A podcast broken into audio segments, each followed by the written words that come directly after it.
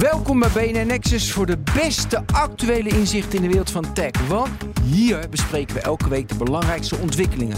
Mijn naam is Ben van den Burg en vandaag praten we over de rebranding van Twitter naar X, het oprollen van Quake, Bot en ChatGPT Enterprise en AI op de werkvloer. Mijn gasten zijn ethisch hacker Sanne Maasakkers. Hallo Sanne. Hallo Ben. En ICT-journalist Jasper Bakker. Hallo. Even kort alvast. Vinden jullie de overgang van Twitter naar X een slimme stap? Jasper? Nee. Slechte, slechte stap. Jij? Kapitaalvernietiging. Kapitaalvernietiging zelf. We gaan beginnen. Mijn co-host vandaag is BNR's tech-redacteur Daniel Mol. Wat jij? Dag Ben. Uh, Hallo? Nou, ik, ik, ben, ik ben uh, neutraal. Kan dat ook? Grijs? Nee, pff, grijze, wat doen we hier niet aan? Ah, oké. Het is 0 of 1. Oké, eh, nul. Nul. Slecht. Dus slecht. Oké, zet het maar even neer dan, Daniel. Twitter, daar gaan we Ja. mee beginnen. Ja, Twitter op 23 juli werd het omgedoopt tot X. Eh, daarmee hebben we afscheid genomen van waarschijnlijk een van de sterkste merken in de techwereld die we kenden. Ik bedoel, tweeten was een werkwoord, dus dan ben je aardig bekend. Behalve Google dan. Ja, nou, Apple is Ja, waar. en ook al de waarde werd toch geschat van de brandingwaarde. Ik altijd mooi tussen 3 en 8 miljard. Dat is natuurlijk heel moeilijk wat de Dat moet je zo vertellen, Ben. Oh, sorry, ga door. Zet het neer.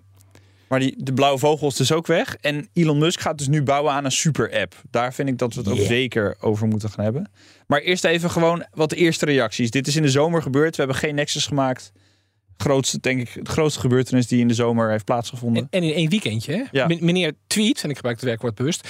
Op vrijdag, ja, ik denk dat ik het X ga noemen. Op zaterdag, ja, dat gaan we waarschijnlijk wel doen. En zondagavond, zondagnacht was inderdaad eh, ja, her en der ver- verdween het vogeltje en stond er een X'je Mhm. bovenaan. Het heeft mij nog ietsje langer geduurd. Niet omdat ik een app-update tegenhield, maar ik was als laatste aan de beurt, denk ik. ja. Ook hebben we wel expres eh, een tijdje niet geüpdate. Ja, om, om heel lang te... Ik, Ja, ik- dat is toch niet ik heb veilig? screenshots gehouden. Ja, pot, potdikkie. En waarom? nu ook als ik, een, als ik een melding krijg, dan krijg ik zo'n X'je bovenin en denk van, hé, wat de f- is dit? Ja. Want je bent zo gewend dat je zo'n blauw vogeltje ziet en dan denk je, oh, een tweet. Ja. Ik heb geabonneerd op een paar dingen die ik heel belangrijk vind, dat als ze tweeten, dat ik het gelijk zie. Eh, en nu dacht ik, hé, Ja. is er nou weer? Niks, hoezo? Ja. Ja, en dat logo. ja. Dat is volgens mij ook in, En hoe dat logo tot stand is gekomen, heb je Ja. dat gevolgd? Ja, Hij vroeg gewoon, he- heeft iemand nog een leuk logo? Dus volgens zijn heel veel fans, heel, veel stands van Musk zijn aan de slag gegaan met eh, zeg maar Paint. Mi- Microsoft Paint, eh, ook genoeg op af te. Maar, en volgens kwamen ze met een X, maar dat bleek ook weer eh, eigenlijk een gejatte X te zijn van een bepaald font, wat een bepaald lettertype, betaald lettertype is. En nou, dat hebben ze een beetje aangepast om, om aan claims te ontkomen. Of zo. Het is echt, nou, de knulligheid ten top. maar Ja. hij zet het ook allemaal op Twitter van, oh ja, wat vind je hiervan? En iedereen, nee, en toch kiest hij het. Ja, maar Eh, dat is toch Ja, aan maar de ene kant... niet. Dat is modus operandi. Ja, maar dat is toch ook briljant aan de ene kant. Ja, want hij krijgt aandacht. Wij hebben het nu ook weer over. Nee, en, en oh, kijk, al die, wat ik zo grappig vind, en ik, heb, ik ga straks iets anders vertellen over waar ik helemaal gek van word, maar eerst dit. Kijk, je moet allemaal standaard NBA, weet je, daar moet je over nadenken. Dan doen ze een jaar over een nieuwe naam en dan gaan ze, iedereen moet, moet alignen. En als hij niet wil, dan gaan ze janken en dat kan allemaal niet. Maar hij gewoon in een weekend. Ik vind echt op, dit is zoals je een start-up op een nieuw, op een andere manier business bedrijft. Ja, Ja, ja. ik vind dat aan één kant heel erg grappig. Ja, maar in een weekend, het heeft nog wel weken geduurd voordat het op alle plekken het nou, inderdaad was. En Nog nu- steeds niet. Want, Nee, kijk. ja, want in mijn browser nog steeds niet. Op mijn Safari browser Kijk. heb ik nog steeds de vogel. Ja, Ja. prima. Eh, Push er hem nog even zolang wat? het kan. Ja, ik, ik heb ook screenshots gemaakt. Eh Daniel, heb, eh, heb jij nog iets zinnigs te over te zeggen over die rebranding? Misschien wel die 3 tot 5 miljard brandingwaarde die je Ja, daar weg... wilde jij graag over. Nou, ik vind dat interessant. Want ik, ik kijk ieder jaar kijk ik van. Er komt er zo'n. eh, er komt er een top 100 uit van de most valuable brands. En er staat Ja. Google, Sanne, die staat altijd heel hoog. Ah, en Coca-Cola, en Coca-Cola, Microsoft, en Tesla, Nike, en, Tesla. en, enzovoort. maar niet SpaceX eigenlijk. Nee, nog niet. Nee. Eh, maar dus Twitter zei dus tussen 3 en 8 miljard. Dat gooi je dus weg. Ja. Maar volgens mij is geld in dit hele verhaal van Twitter. Ik ga echt geen X zeggen. Van Twitter ga ook echt geen post noemen. Ik noem het gewoon tweets. De, voor mij is dat ook helemaal niet, niet relevant. Het is helemaal Ja. niet meer rationeel. En ik Nee. ben dan heel benieuwd wat jullie hierop zeggen. Maar wat heeft hij, geko- wat heeft hij gedacht toen hij dan Twitter kocht? Was dit al zijn plan? En zijn het dan alleen de users die die heeft Ik wil het je precies het- vertellen. Maar eerst mag Jasper het vertellen. En dan ga ik het vertellen wat hij precies dan heeft bedoeld. En dan, en dan mag jij. en dan, komen we, en dan vatten we samen. Twee redenen. Wat ik eerder op BNR al heb genoemd. Eh, hij heeft een userbase gekocht. Gewoon miljoenen gebruikers. Maar wat ik later ook wil ik besefte. ook zeggen. Nou, ja. Nou, we zijn het helemaal eens. Maar wat, wat ik later ook besefte, hij heeft in wezen ook een databerg gekocht. Want met zijn X.AI, AI-bedrijfje, eh trainen enzovoort, heeft hij gewoon een enorme dataset. In de voorwaarden kan hij opnemen, heeft hij ook opgenomen. We mogen jouw gegevens, jouw tweets eh, en jouw alles mogen gebruiken voor de training van onze AI-doeleinden. En daarmee is hij een stuk safer dan bijvoorbeeld OpenAI. Want OpenAI heeft allemaal data van het internet vergaard. En daar komen nu her en der wat rechtszaken van... hé, hey, wacht even, jij hebt e-books heb jij gescand... eh, van een site die eigenlijk aan piraterij doet. Daar gaan we het straks over Dus dat mag hebben. helemaal ja. niet. Nee. Nou, Ben. Eh, Nee, inderdaad. Sanne was eerst hoor. Nee, Oh, Sanne. Ben was eerst. Ja, nee, ik ga lekker eerst. Eh, nee, oké. Dus die database. Nee, dat- dat- nee, oké. Dus niet, weet je, we denken altijd in de functie van, weet je, het, eh, de hartslag van de dag van Twitter, dat dat de Precies. functie is en dat we dat willen doen en dat hebben we straks niet meer. Totaal irrelevant. Totaal irrelevant. Hij heeft gewoon een userbase en voordat mensen, ze loggen toch even in. Ja. Dus eh, dat is lekker. Dan kan hij dan zijn X-app, zijn all, zijn everything app, kan hij daar dan op baseren. Ja. Ik vind die database, dat klopt. Alleen, ik, we kunnen me uitleggen hoe waardevol dat precies Ik twijfel wel eens aan de, aan de waarde van al die tweets. Nou, ja, de, de eloquente zinnen die jij tweet, die kunnen dan een, een, een X-GPT-bot Ja. ook eloquent laten praten. ja. Nou, Ik weet niet of je hem dan traint op de allerbeste content ter wereld. Ja, daarom. Dus weet je, het is zoveel drek en zo. Oké, dus de, oké, maar dan is die database en het, is, het zijn de gebruikers. Jij nog een andere? Want hij is best wel waarom die dat heeft gekocht. Ja, geen idee. Ik heb soms niet het idee, geen idee of het gaat om een hele goede visie of een soort van mood swing van Elon Musk op dat moment. ja, Ja, dat Dus eh, wat zijn hele idee hiermee was, ik heb echt geen idee. En dat heeft hij, denk ik. Kijk, wij achteraf interpreteren nu deze reden. Maar ja, dat- dat- in die richting gaat hij. Ja. Maar inderdaad, als we even teruggaan een paar maanden, mensen, had hij dat inderdaad helemaal. Hoe Nou, had hij nou, dat? oh, X, dat idee heeft dat hij- heeft hij al in 20. In, in, wat? 1999. 1999. Juist. Precies. Ja, dus- PayPal. Dat moet je misschien even uitleggen voor de mensen die. die oh, ah, Sanne, die is, die is geboren volgens mij in. Nee, sorry. Ik zie er jonger uit dan ik ben, maar Maar dit gaat compliment. heel ver. Nee, maar Sanne is een compliment. Oké. Nou Maar- ze- ze zat misschien nog niet op internet in 1999. Nee, maar Oh. vertel, even, over, eh, vertel close. even voor de jongere luisteraars. X 1999. Musk is een van de leden van wat wel de PayPal-maffia wordt genoemd. Eh, niet echte maffia, voor zover we weten. Eh, maar er was een, een groepje mensen die inderdaad leuke, briljante ideeën hadden en dingen deden. En wat uite- uiteindelijk heeft dat geleid tot PayPal. Musk had toen de tijd een soort concurrent. En dat noemde die, wou die X noemen. En eh, die zijn uiteindelijk moeizaam samengegaan. Overname of fusie, ja, hoe lagen Ja, verhoudingen. overname. Ruzie met eh, Peter Thiel, bekende naam van Palantir, big data, afluister, surveillance enzovoort. En eh, het, het X-idee van Musk is het niet geworden toen. Het moest PayPal worden, want die brandnaam was veel waardevoller. Ja. Hey, ik zie parallellen met Twitter. En Musk had zoiets van, ja, brandnaam, de X is gewoon veel gaver en cooler. Dus ja. Ja. je was toen al bereid om merkwaarde te vernietigen. En hij had toen al het idee van, dit wordt een app waarmee je kunt shoppen, waarmee je kunt winkelen, waarmee je leningen kunt afsluiten, waarmee je geld kunt overboeken. En dat is nooit van gekomen. En, En hij heeft nu- nooit losgelaten. 24 jaar later, Precies. inderdaad, denkt hij van: hé, hey, ik, heb nu, ik heb al een userbase, ik kan dat gaan maken. Precies. Ja, Beetje dus, stampende kleuter. ja. Ja. Ja, dus in die, ja, en in En, die en, zin, en miskend genie. Ik had Ja, een briljant precies. idee. En jullie hebben me allemaal Ja. tegengehouden. En zie je nou wel? Zie je nou wel? in die zin voelt het hem inderdaad een beetje alsof hij wraak neemt op de rest van de wereld. Nou, dat vraag is wel mooi, hè? want hij was even hoe hij eruit is gegooid bij die PayPal-mafia. Hij ging dus op vakantie, hij moest op huwelijksreis. Ja. En eh, toen ging hij op vakantie. En toen had Pieter Thiel had allemaal vriendjes in de boord gezet. en die hebben tijdens de een vakantie vergadering gehad. Een vergadering gehad. Een koep. Dag, ja. Ja. En hij neemt wraak 24 jaar later. Ja. Dus wat is de les? Ga nooit op huwelijksreis.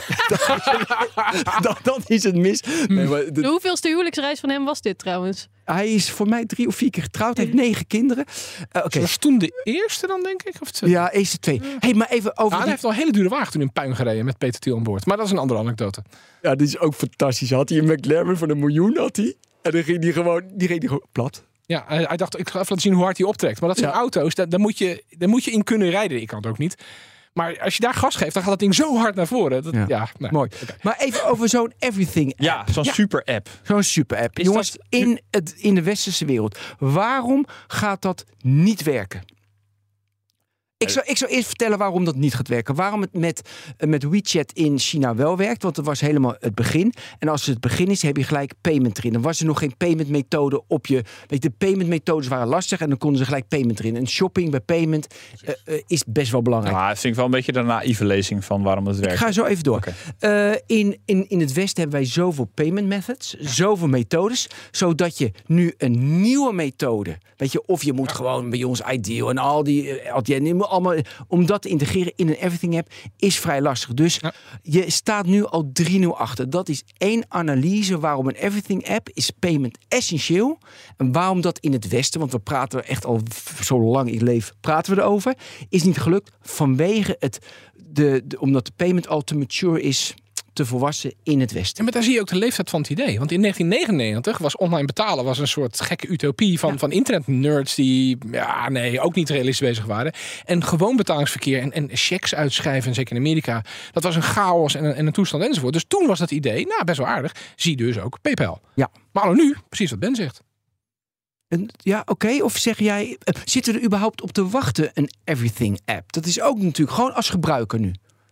Nee, Sanne twijfelt. Diepe zucht. Nou, Sanne, misschien, want ik zie, ik, kijk, die app is best wel interessant. Het is altijd de vraag: breng je alles, je bundelt alles tot één app? Eh, weet je wat bijna nu een, een, een super app wordt? Ben je de laatste tijd naar de Uber-app Uber, gegaan? hè? Ja. Ik wilde het net- Ja, de Uber Eats en de Uber what Ik ben Ja, echt Uber- Uber Uber. whatever. Precies. Ik ben echt verbaasd wat Uber op dit moment op dat gebied doet. Die worden bijna een super-app. Terwijl wij dat niet gewend zijn. We hebben overal losse app voor. Is die snel? Is die makkelijk? Maar ja, weet je, iemand een app laten downloaden en gebruiken. Dat is een barrière. Daarom is één app makkelijker. Maar je ziet dus vooral met Uber is mijn voorbeeld van... hey, je ziet een kleine trend. Maar ik denk toch door die payment lastig is. Ja, en eh, wa- waarom ik net een beetje inging op jouw China-voorbeeld. Ehm, in China is het natuurlijk gelukt omdat daar de overheid gewoon een aantal bedrijven een zegen geeft van oké, jullie gaan het worden. Ja. Met de voorwaarde dat jullie alles met ons delen. Ja. Eh, je kan wel betalen, maar dan weet iedereen dat. Weet je, dat, dat is natuurlijk. Voor, voor zo'n super-app is dat een voorwaarde. Hè? Was dat Mr. Robot aflevering of Black Mirror? Ja. nou, Ja, ja, ja. Precies, nee, maar en dat is dus het grote verschil met, met de westerse wereld. Eh Nou overigens ja. heeft Ja. Elon Musk nu wel eh, in een aantal Amerikaanse staten eh, de license om eh, geld eh, via X te versturen. Dat moet je aanvragen. Maar ehm, volgens mij Bert Hubert heeft in BNR Digitaal dan weer een keer gezegd dat dat in Europa nog veel lastiger is Ja. om dat als techbedrijf Ja. voor elkaar te krijgen. Ja, zie ook maar Apple, Apple Pay. In Amerika al veel verder gevorderd dan wat je hier ermee kan. Ja. Maar ik wil even wat je- jouw, eh, jouw hypothese is dus: je hebt dus nodig dat een overheid zegt van je mag, weet je, je kan die Everything app, maar ik wil alle data. Ah, dat is nodig om het voor elkaar te krijgen. Waar, wa- waarom Nou, nou, is in een dat land als? China. In een land als China. Ik Ja, denk, maar waarom? Maar hier toch niet? nee, hier Als niet. jij hier toch de macht hebt en je bouwt die applicaties zoals Uber doet, je bouwt dat in en de, de, de, de gebruikservaring is een 10, dan zou dat in theorie hier ook kunnen. Ja, behalve dat je dan iedereen moet losweken van zijn eigen bank waar je hypotheek aan hangt en, eh, en dat soort dingen. En dat je je moet houden aan de privacyregels die hier Ik- toch een stuk Het grote verschil tussen de, de, de eh, westerse wereld en China is denk ik dat hier gewoon serieus veel concurrentie is. Helemaal in de, in de techwereld en in de financiële wereld. Dus iedereen zit op zijn eigen eilandje, iedereen heeft zijn eigen app.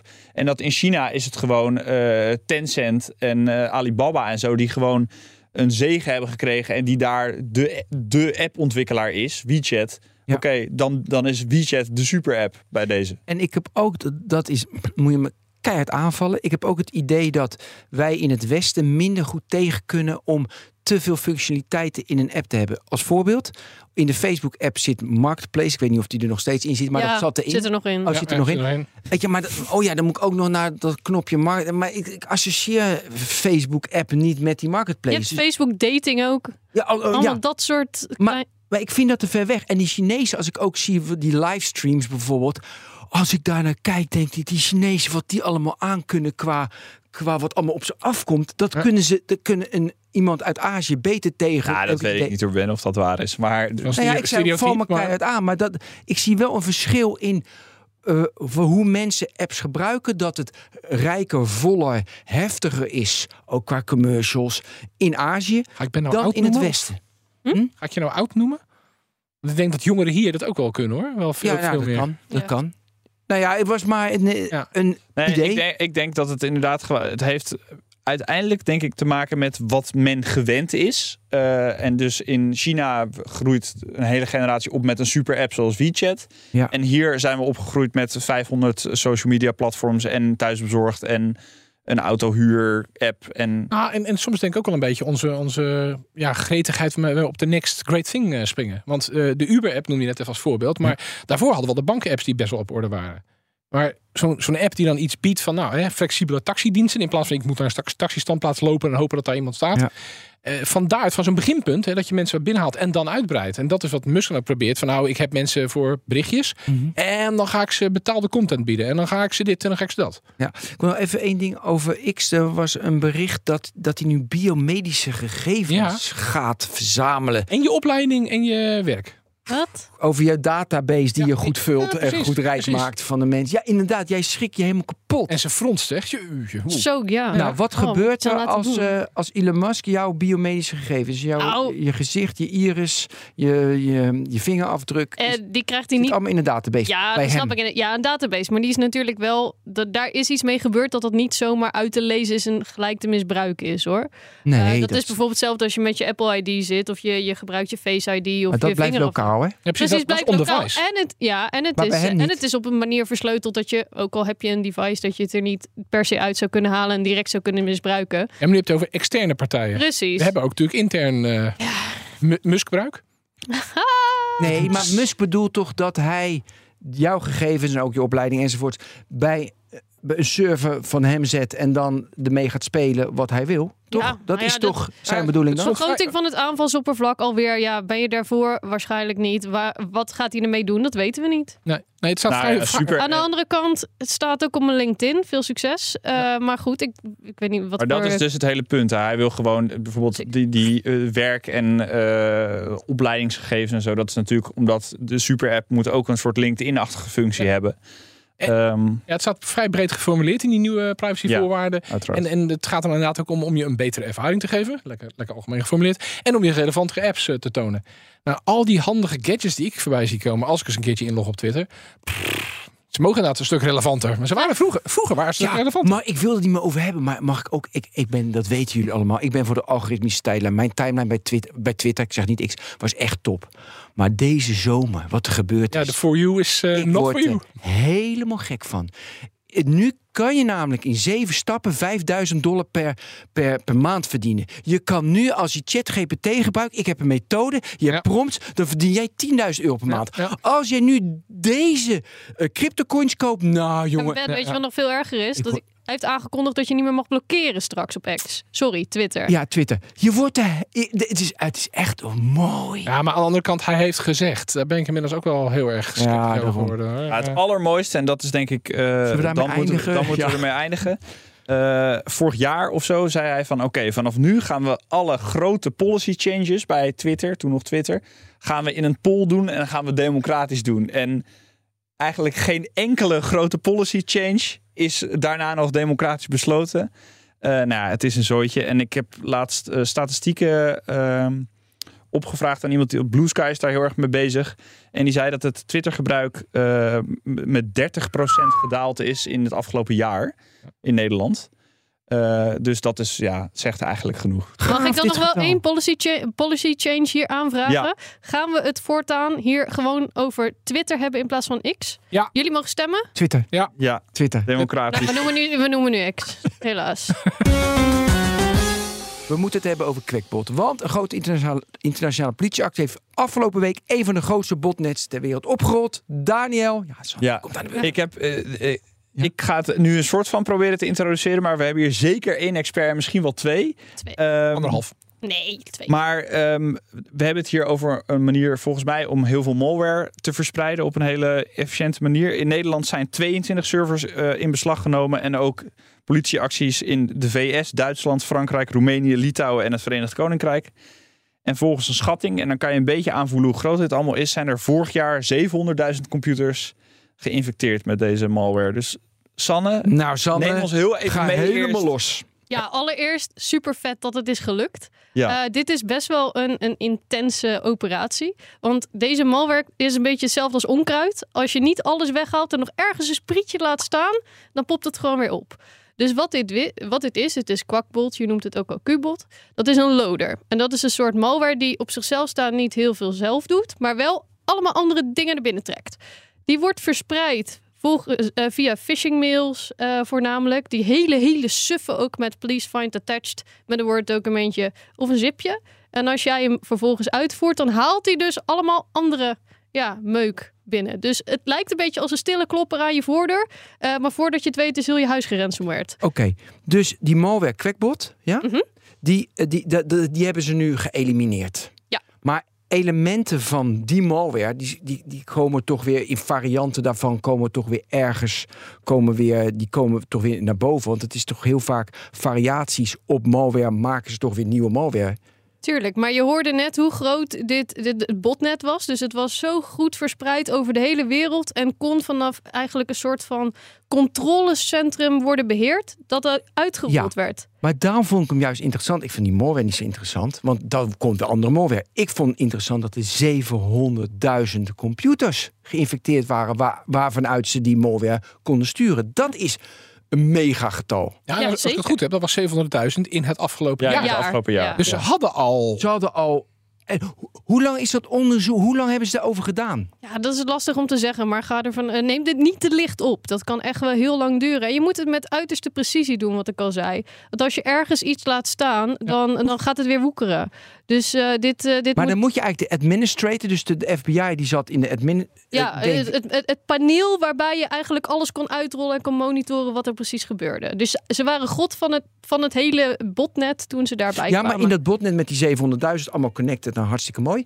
Dat, dat is dus één, één paneel, noem jij het. Ik noem het de administrator functie. Dat is dus één gast die uiteindelijk dat kan bedienen. Mhm. Daar waren ze dus binnengekomen. Hoe?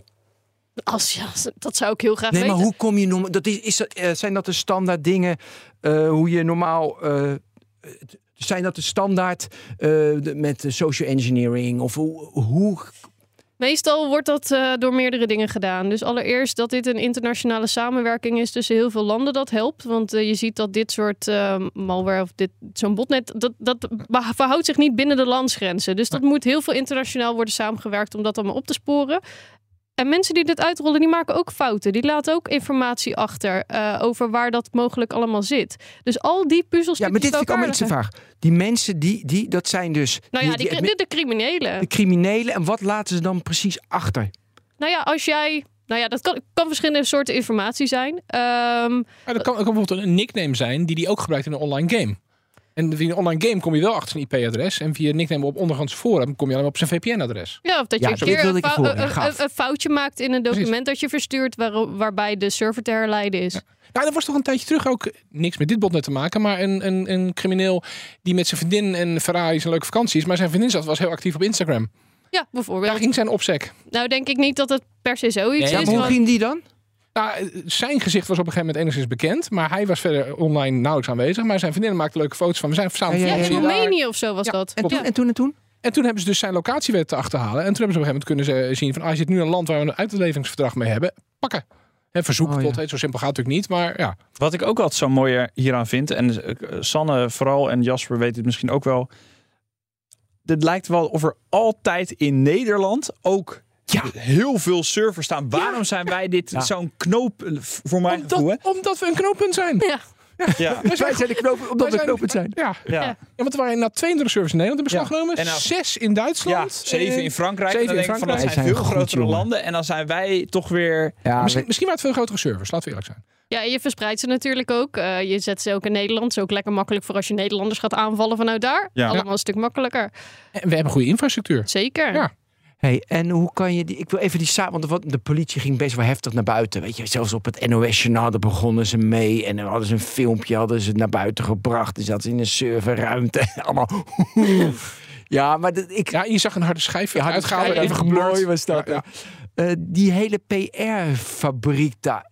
Ja. Groot gelijk. Ik bedoel, dit soort successen moet je vieren. En ik vind het ook wel heel erg tof. Want een tijdje geleden hebben we bijvoorbeeld ook Operation Cookie Monster gehad. Dat was eh, eh, alle informatie die op de Genesis Market werd verhandeld. Dat was informatie die was verzameld ook door malware. Die hebben ze ook kunnen oprollen. Ook doordat ze met wortel en al eruit hebben gehaald. Ja, ik vind het ontzettend vet dat ze dit doen. En ook dat ze een stukje, ja, zoals ik dat noem, handelingsperspectief eh, toevoegen. Dus dat je ook zelf online kan checken of jouw gegevens erbij stonden. ja, maar dat doet iedereen toch al met eh, eh, eh, Ja, Pound. Pound. Nou, dan, dan, dan, dan overschat je de gemiddelde Nederlandse, Neder- ja, Nederlandse burger. Ja, dat doe ik graag. Ja, en- Ik vind en- ons en- Nederlandse burger Ja, echt top. Ze maken het daardoor wel een stukje makkelijker. Heel veel mensen kennen, als ik een presentatie geef over wachtwoorden en ik zeg iets hebben bij een poont, is ze allemaal heel erg heftig mee te schrijven. Want dat is helemaal niet zo bekend onder niet-techische Nederland. En voor de gemiddelde Nederlander ga ik mijn gegevens invoeren bij de politie om te kijken of ik gek ben. Of bij een site have I, hoe schrijf je poont? En Ja, van ja. wie is dat dan? Van wie En, is dat dan? eh, En houden ze dan bij. Al helemaal als je gaat zoeken op je wachtwoord zelf om te kijken of het gelekt is. Precies Dus mensen vertrouwen dat gewoon Want niet. mensen zijn toch door, door ons ook verteld nooit zomaar ergens je wachtwoord intikken. Precies. En dan, eh, dan heb je nog steeds mensen die zeggen: nee, dat moet je echt niet doen. Je moet echt niet vertrouwen. En dan vertrouwen we. Maar Sannes, vind je dat echt dat we eh, viert de politie dit soort successen genoeg? Want jij, je ging daar net best wel op aan. Is dat iets wat belangrijk is in, in jouw wereld misschien? Ja, dat is ontzettend belangrijk. Want ook als je in het nieuws kijkt, dan heb je het idee dat de cybercriminelen alleen maar aan het winnen zijn. Je hoort de een aan de andere organisatie gehackt worden. Ja. We hebben juist dit Die soort doof. dingen nodig. Want dan zie je dus dat we er ook gewoon tegen kunnen gaan. Maar, dan Maar, ga ik even naar doen. oh, Ja, shit. ja, ze moeten het inderdaad vieren, maar ze moeten ook vieren om, om de PR even te doen. Want er is vooralsnog niemand opgepakt.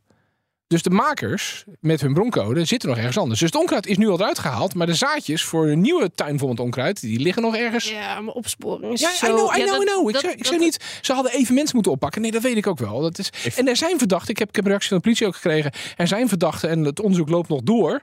Alleen verder natuurlijk geen commentaar.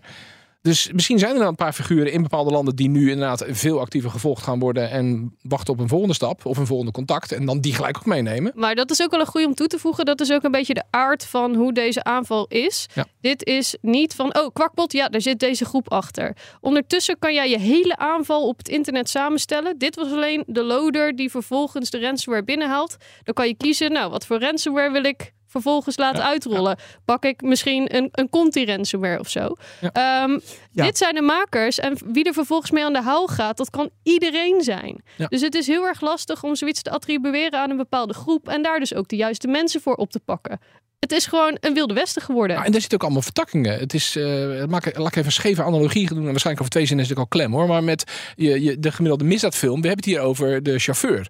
Van, was het een getaway car voor een bankoverval? Of was het een, een getaway of een, smokkelcar voor drugs? Of was het dit of was dat? En dat zijn allemaal verschillende bendes. Ja, ik vind hem nu al moeilijk hoor. Ja, laat maar, laat vind maar. hem, ik vind hem nu al Goeie lastig. poging.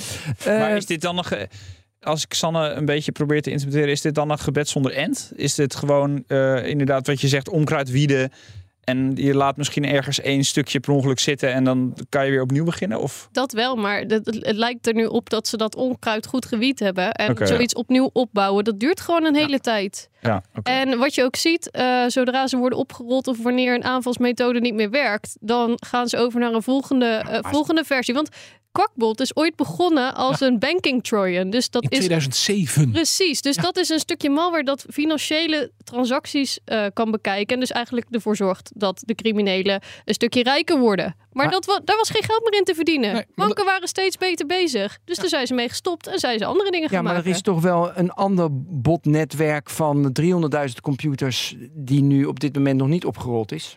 Vast. Ja, maar Ja, is- daarom. Dus Ja, maar- we hebben er in ieder geval eentje weggehaald. Ja, precies. En het is net als onkruidwieden of weet ik veel flitsen op de snelweg. Eh, eh, lost het het op? Nee. Moet je het blijven doen? Ja. Ja. We hebben nog steeds niet de strijd gewonnen, maar we zijn wel lekker bezig. We gaan naar ChatGPT op de werkvloer. Want eh, nou ja, eindelijk weer AI. Mooi. Eh, ChatGPT Enterprise. Het heeft twee onderwerpen geduurd en we hebben het nu alweer over Ja, AI. ik- ja, we zaten te twijfelen. Gelukkig. Beginnen of niet. Nee, dat doen we expres. Maar heel belangrijk. Daniel, Ja. zet het neer. Ja, want Enterprise is volgens eh, OpenAI, en nu komt mijn marketingpraatje, de meest krachtige ChatGPT-versie tot nu toe. Eh, maar je krijgt er ook wel echt wat voor ongelimiteerde toegang tot GPT-4. Dat was eerst helemaal nog niet.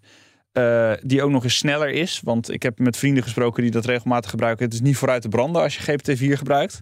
Helemaal als je iets wil laten coden. Ehm, Meer ruimte voor input en de, de code interpreter, die zit er ook eh, in. Volgens mij word jij daar enthousiast van, Ja. als, ik- als ik het goed heb. Ja, eh, eerst even gewoon zo'n enterprise versie. Is dat, worden we daar blij van? Ja. Ja? Ja, Ja. want eh, heel veel van je data, als je nu met de gewone ChatGPT zit te doen, jouw data gaat weer de grote wolken in en dient weer als training voor de volgende. Als jij als bedrijf je gegevens ingaat, het hoeft niet eens je Coca-Cola recept te zijn, maar gewoon je interne gegevens, dat mag niet zomaar naar buiten komen. Ja, maar als je de API gebruikt, is dat er opgelost. Hè? Als je de API van ChatGPT, Ja. dus is dat opgelost. Maar normaal gesproken, inderdaad, als je het instopt als prompt, dan, dan ben je het kwijt.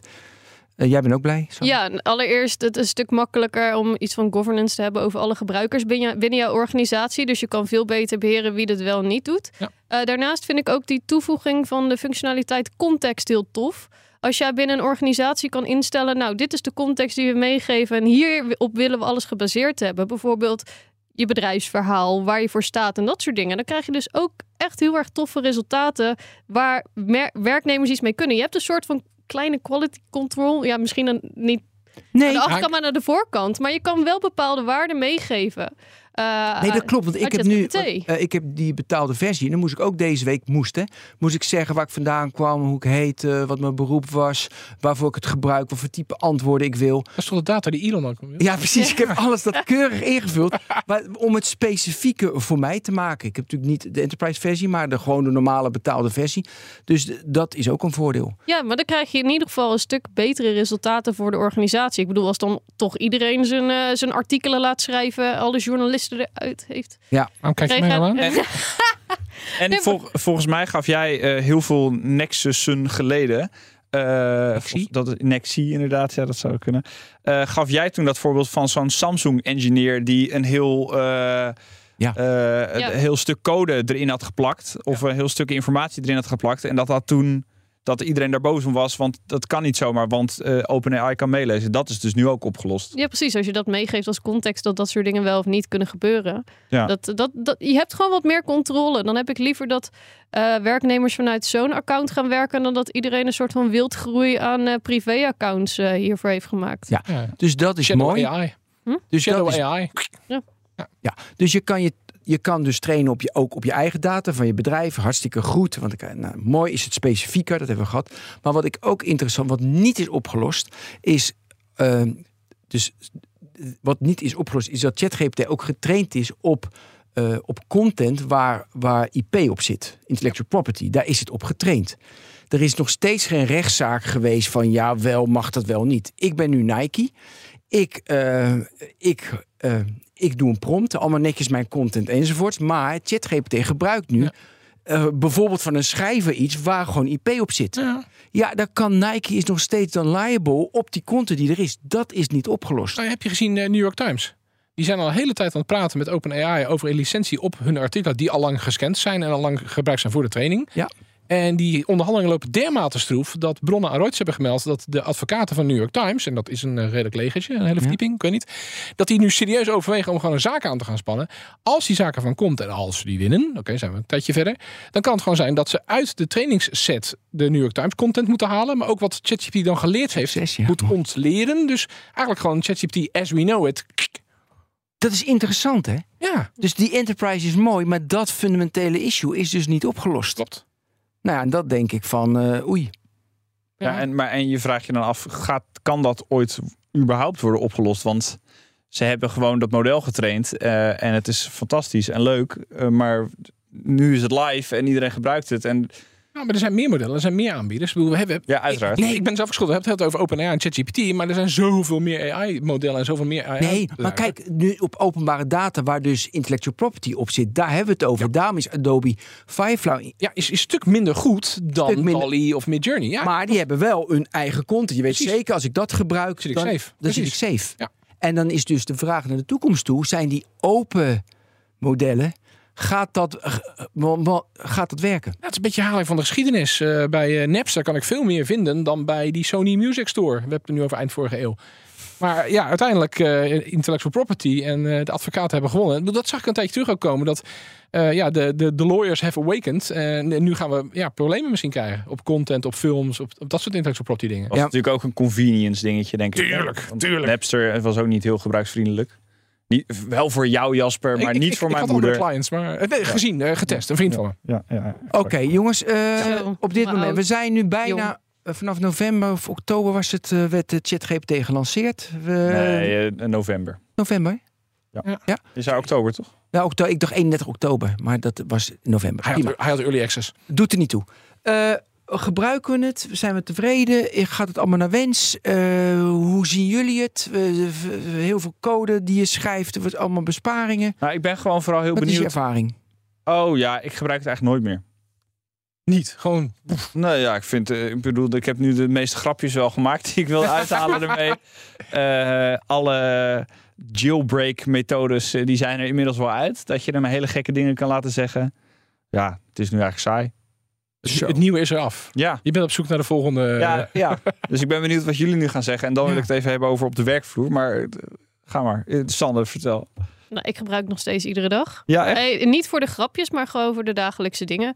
Ik, ze, ze hebben ook echt fantastische eh, spraakherkenning. Dus soms zit ik gewoon twee minuten te oreren van schrijf dit. En ik zit gewoon, eh, gewoon eh, te ratelen. En dan zeg ik van ja, maak hier nu een essay van van 300 woorden. En ik krijg precies wat ik wil. Dit is top. Ik gebruik de, ja, alleen voor dat soort dingen. Voor werk, maar wel werk nou, niet, nou ja, of privé dingen. Eh, of als ik het zelf... Ja, ik dacht, oké, ja, oké. het, het is meer dan alleen werk. Ja, Ehm, nee, dat snap ik. Maar inderdaad, als je eens een keer een stukje wil schrijven wat niet per se voor je werk is, eh, dan, dan gebruik ik dat soort dingen ook. Of gewoon even een heel brakke mail die je hebt gemaakt. Gewoon herschrijf Ja, die deze. vind, ik, die vind ik niet zo goed als je dat doet, maar goed. Ja, ik, ik, eh, ik- ik ben privé helemaal niet zo goed georganiseerd. Maar wat jij omschrijft van een verhaal en dat als een essay opschrijven, ja, dat, doe ik al. En brakke mails doe ik bijna nooit. Of ik doe het expres. Hm. Maar je moet wel een beetje de foefjes weten voor de brakke Ja, mail. moet- Want ik zeg ook wel, gebruik dezelfde tone of voice. Maak het niet langer. Ja, moet- goede prompts. Precies. Ja, Ja, die prompts die zie je allemaal op, op Twitter. Zie je allemaal hoe je hele goede prompts daar weet moet je doen. alles van. Want daar heb je alleen maar in je For You ja, gehad, ja, daar word ik helemaal gek Ja, van. Nee, maar inderdaad, ik doe het voor leren. Maar je wilt de, leren, dat vind ik echt ideaal. Ja, maar ik vind soms wel. Verdieping, wat ik, wat ik wil weten. Nou, ik vind het soms wel leuk om een beetje te sparren. Wat, wat ik ook Ja, eh, live met collega's wat doe. Maar van eh, ja, een kop van een artikel. Iets korter, iets langer. Dit woordje, dat woordje. Weet jij een alternatief voor of een synoniem voor? Weet je, daar vind ik het wel goed mee. Eh, en samenvatten van teksten is inderdaad wel eh, goed. Ja, Alleen ik kan vrij snel lezen, al zeg ik het zelf. En, en het, het, het ordenen en sorteren van dingen. Ik heb ooit een collega gehad die verbaasd aan mij vroeg van... hoe kun jij als je iets leest gelijk al beginnen met een kop? Hij schreef altijd het hele artikel. Ging het dan zelf al nalezen, want te komen van wat is de kop? En ik had zoiets, ja, de kop, daar gaat het over. Daar begin je mee. Dat doet toch iedereen, toch? Ja. Maar het bleek dat mijn hersenen daar een soort kronkel in hebben dat ik dat kan. Oké, jij wilde op de werkvloer. Je- Nou, ik ben benieuwd hoe, eh, want toen dit in november uitkwam, hebben we, weet je, december, januari zaten we echt helemaal in de modus van, dit gaat alles veranderen, dit is zo disruptief, dit is journalistiek as we know it, is voorbij, Eh, mensen die Coderen, moeten coden. developers. Ja. de- Ja. Iedereen, eh, iedereen wordt ontslagen, Ja, banen precies, gaan ja. weg. Ik Ja, vraag me dan af, we zijn nu bijna een jaar verder, nou, dat is ruim genomen ongeveer een jaar verder. Ehm, Ja, is het nou, zo dis ik, nee, ja, maar ik wil toch die vergelijking weer maken. En die vind ik zo mooi. Ik ga hem gewoon herhalen. Ik weet niet of ik hier verteld of ooit ergens anders. Maar die vind ik echt mooi. Het is begin jaren tachtig. En mensen zeggen, het internet komt. Nou jongen, dat gaat dus een tijd besparen, het internet. Het is niet normaal. Je hoeft helemaal die brief niet meer te schrijven. Je tikt het weg en je stuurt een mail. Je hoeft helemaal geen postzegel meer te plakken. Ja. Internet, productiviteit van de mensheid gaat zo omhoog. De economie gaat floreren. Want de productiviteit gaat omhoog. Wat gebeurde er? Die tijd die mensen winnen, gaan ze zitten scrollen in, eh, in hun TikTok-timeline en ze gaan zitten Netflix. Dus de productiviteit is niet toegenomen. Toen eh, ChatGPT begon op de werkvloer, dachten we, nou jongen, echt jongen, met ChatGPT gaan we sneller schrijven, we gaan meer ideeën, het wordt rijker, het gaat allemaal goed. En uiteindelijk vullen we het op. Eh, we, we verzinnen we weer wat anders, want we blijven mensen dat dat ook weer op dit moment tegenvalt, want we vullen het op een andere manier in. Dat was mijn associatie toen jij zei van, moi. Maar wat is ook, het is ook, ik ga even door en dan stop ik met mijn rant. Het is ook de hype cycle. Ja, Ja, nee. zo, dat, zo voelt het echt. Zo inderdaad. voelt het echt. Misschien zitten we nu een beetje voor. Wij zitten dan een beetje in de, aan de onderkant. Terwijl ik wel. eh, Weet je, er zitten heel veel mensen die ook nog ChatGPT. Oh ja, want we denken dat iedereen ermee is. Wel onze luisteraars natuurlijk, maar ook heel veel mensen nog niet. En misschien zitten we in die dissolution fase. En dat we nu langzaam omhoog moeten. Nou, dat daar iets- zitten we nog niet hoor, maar inderdaad. Ja, daar- Nee, de trog van desillusie. Ja, Ja, dat- Ik- ik- nog niet helemaal. Maar snap je, dus het is ook met een hype cycle. heeft Maar we staan hier met een hacker en een journalist in de, in de, in de studio. Ethisch hacker. Vertel, En- eh, Black Hat of White Hat, we weten het zelf nog niet. Oh, dat is heel spannend. Maar de, de, eh, jij zegt dus, Sanne, je gebruikt het elke dag. Ja. Ook voor werk. Je maakt er je boodschappenlijstje mee. Je maakt er je, je Nou, codes mee. boodschappenlijst nog net niet, maar die maak ik überhaupt niet. Eh, ja, maar wel zonder privégegevens of belangrijke gegevens. Dat vind ik gewoon heel erg raar. Um, Mag ik eh, even... Ja, ja, Ga je deze. nu alweer? Nee, ik ga geen ik ga een vraag stellen. Prima. Ik wil even OpenAI versus Microsoft. Dus Microsoft eh, Business, Microsoft 365, daar gaan ze Copilot in stoppen. Daar gebruiken ze, ook, gebruiken ze ook GPT-4 voor. En nu zie je dus met die enterprise, want daar hadden we het over mensen, gaat OpenAI gaat ook zijn eigen business doen. Eh ehm, OpenAI zit allemaal in Azure. Die maakt gebruik van Azure. Dat is van Microsoft.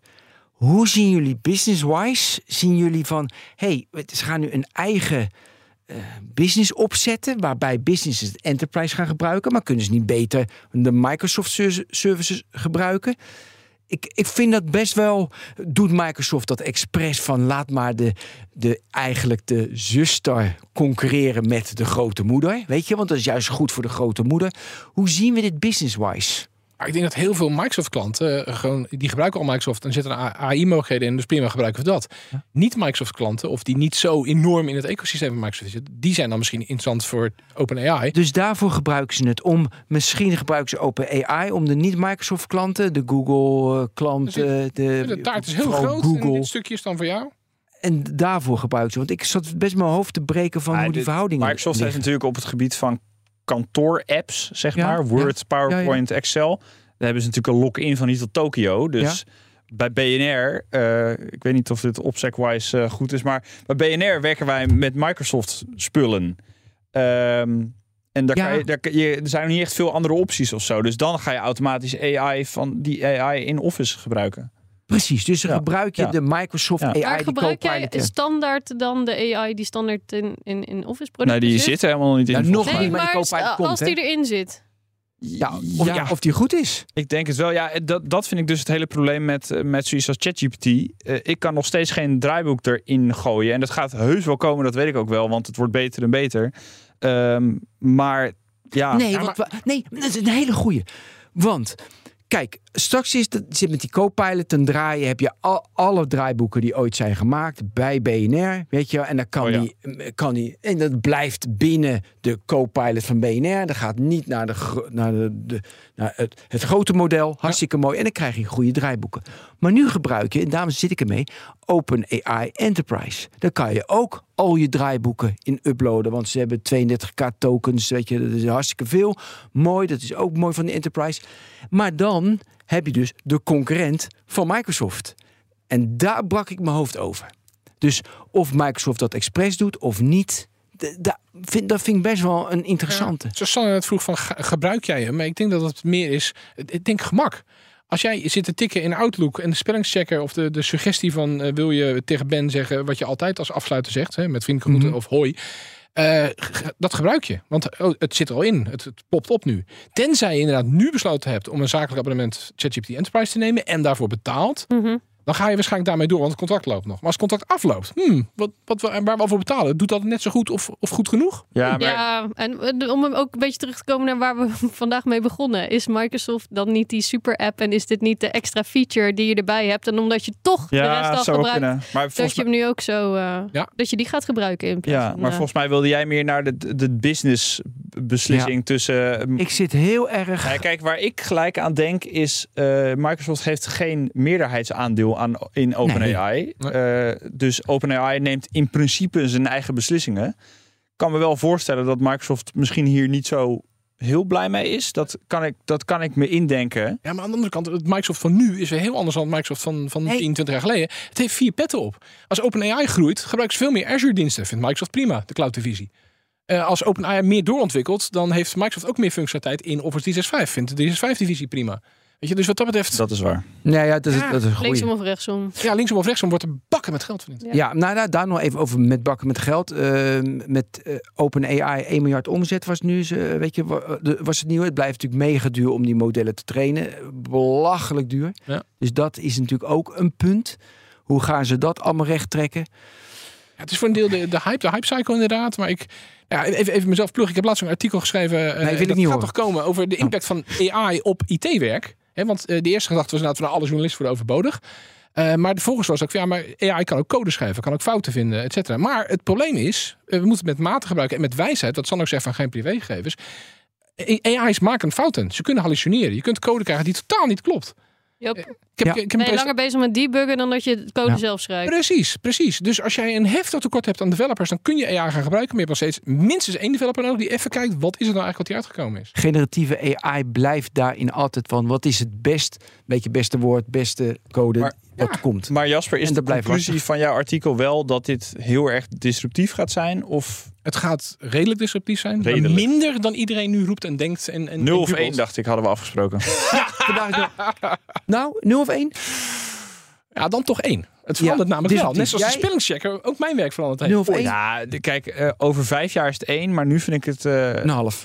Nee, 0 of 1. 0 of Nul. 1. Een 0. En, en jij? Nou, we zijn eh, door heel veel emoties gegaan over heel veel afleveringen. Eh, het zou de wereld overnemen tot aan het gebeurt helemaal niks. Dan, eh, ik zie het nu nog niet gebeuren. ja, 0 hier. dus. Dus Sam wel- is echt slim. En on that bombshell. Oké. Eh, ik, heb in de, ik ga met Sander mee. Korte termijn nog even 0, maar het wordt zeker 1. Oké. Bedankt allemaal. Jij geeft me ook gelijk. Ja, nou, dank je Ben. Ja, dat komt nooit voor. Eh, dit Nee. was BNN Nexus. Ik hoop dat jullie genoten hebben. Wij in ieder geval wel. Bedanken Sander, Jasper en Daniel. En Ben. En Ben natuurlijk. Ben. Eh, volgende week zijn we er weer met de nieuwe Nexus. Blijf ondertussen... Oh ja, al onze andere tech-podcasts. Want we hebben zulke mooie. Blijf ze volgen. De Technoloog, de Tech Update, BNN Digitaal. Volg het allemaal. Tot ziens. Cryptocast. Cryptocast. Tot ziens. Hoi.